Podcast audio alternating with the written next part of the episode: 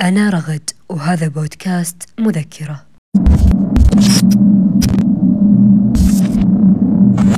لما تتعرف على شخص وتبدأ بينكم مرحلة الانسجام لدرجة إن الحديث معه يصبح روتين لا يخلو من يومك.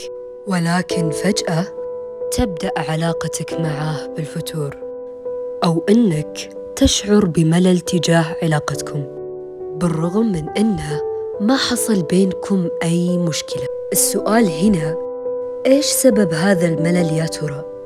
والجواب المبدئي إنكم كنتوا تكلمون بعض كل يوم. وهذا النوع من التواصل خاطئ جدا ومنهك. إي نعم إحنا أصدقاء ونحب بعض كثير.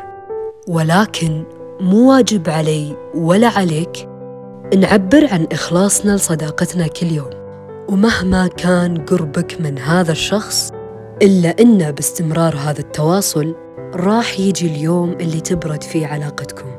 وحل هذه المشكلة لابد إنك تترك مسافة زمنية بمعنى إن عادي لو مر يوم كامل ما كلمته.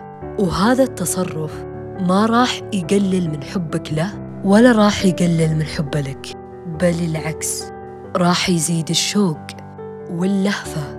للحديث عن تفاصيل يومكم الماضي. تمنياتي لكم بعلاقات صحية.